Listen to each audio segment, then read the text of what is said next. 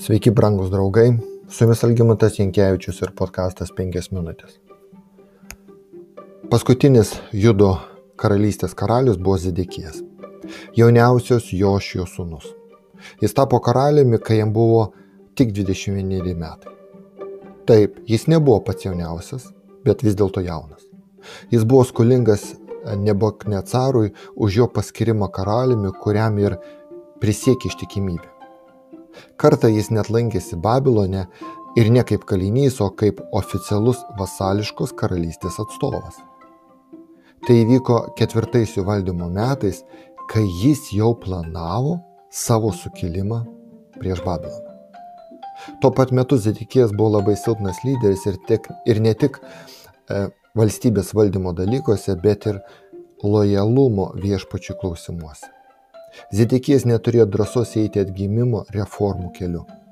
Vienas tokių atvejų aprašytas Jeremijo knygoje. Jeremija pasiekė viešpatė žodis po to, kai karalius Zedekijas sudarė sandrą su visais Jeruzalės gyventojais, paskelbdamas jiems išlaisvinimo įsaką. Taigi, kiekvienas privalėjo duoti laisvę savo vergams, hebrajams, vyrui ir moteriai. Niekas neturėjo laikyti savo tautiečių judėjo vergijoje.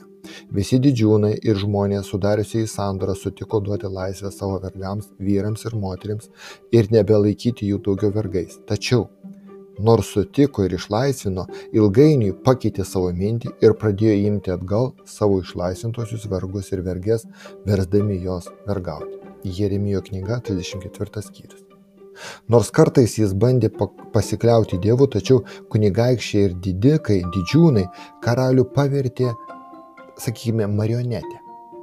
Tai jie įtikino Zedekiją sukilti prieš Babiloną ir sukilimas atvedė Izraelio tautai katastrofą, kurią iš istorijos žinome kaip Babilono nelaisvę. Devintų Judo karaliaus Zedekijo metų dešimtą mėnesį Babilono karalius Nebukadnecaras su visa savo kariuomenė atžygiavo prie Jeruzalės ir ją apgulė. Galite tik įsivaizduoti, ko jie tikėjosi ir kas įvyko. Ta pačia diena kitas pranašas gyvenęs tarp imigrantų Babilone, pranašas Ezekėlis patyrė netikti, mirė jo mylima žmona. Tai buvo liudimas jam ir visiems Dievo žmonėms apie įvykusios tragedijos siaubą mane pasiekė viešpaties žodis. Žmogau, štai atimsiu iš tavęs taigi mirtimi tavo akių džiaugsmą, tačiau tu nei raudok, nei verk ir ašarų neliek. Dūsauk patilomis ir susilaikyk nuo mirusiųjų gedulo. Užsiviniok turbaną, apsiaukoja sandalais, neužsidenk barzdos ir gedinčiųjų duonos nevalgyk. Tai pasakiau žmonėms ryto metą, o vakarė mirė mano žmona kitą rytą dariau, kaip man buvo įsakyta. Ezekėlio 24 skyrius. Neįtikėtina pranašų dalė, Dievo pranašų dalė. Kai buvo neįmanoma atgaivinti pranašų žmonos, tai buvo neįmanoma išvengti Jeruzalės sunaikinimo ir Judo karalystės egzistavimo pabaigos. Per pranašą Ezekėlį Dievas lygina Izraelį su savo nuotaka, kuri neatsakė į viešpatės meilę parodytą jai.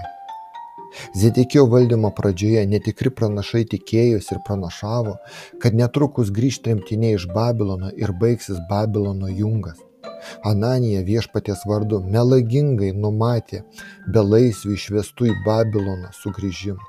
Tačiau Jeremijas nuolat stengiasi išlaiky, išsklai, ištaisyti, išsklaidyti šį neteisingą įsitikinimą ir patarė nesukilti prieš Babiloną, bet ir toliau jam paklusti. Tam tikrų momentų Judėja, Moabas, Edomas, Tyras ir Sidonas nusprendė ryštingai sukilti prieš Nebukadnezarą ir suformuoti vieningą frontą, vieningą kariuomenę iš centro, kaip iš centro iš Jeruzalės. Egiptiečiai taip pat turėjo prisijungti. Jie net išsiuntė savo pasiuntinius į Jeruzalę aptarti sukilimo detalių.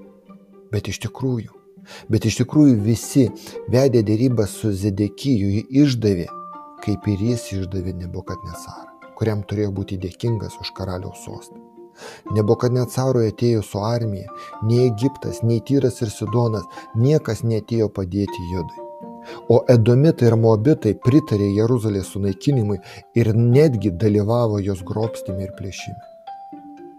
Brangus draugai, 11 Zidekijo metais 4 mėnesį 9 mėnesio dieną Jeruzalė buvo paimta. Miestas buvo sudegintas, šventykla buvo sugriauta, o hebrajai buvo paimti nelaisvę.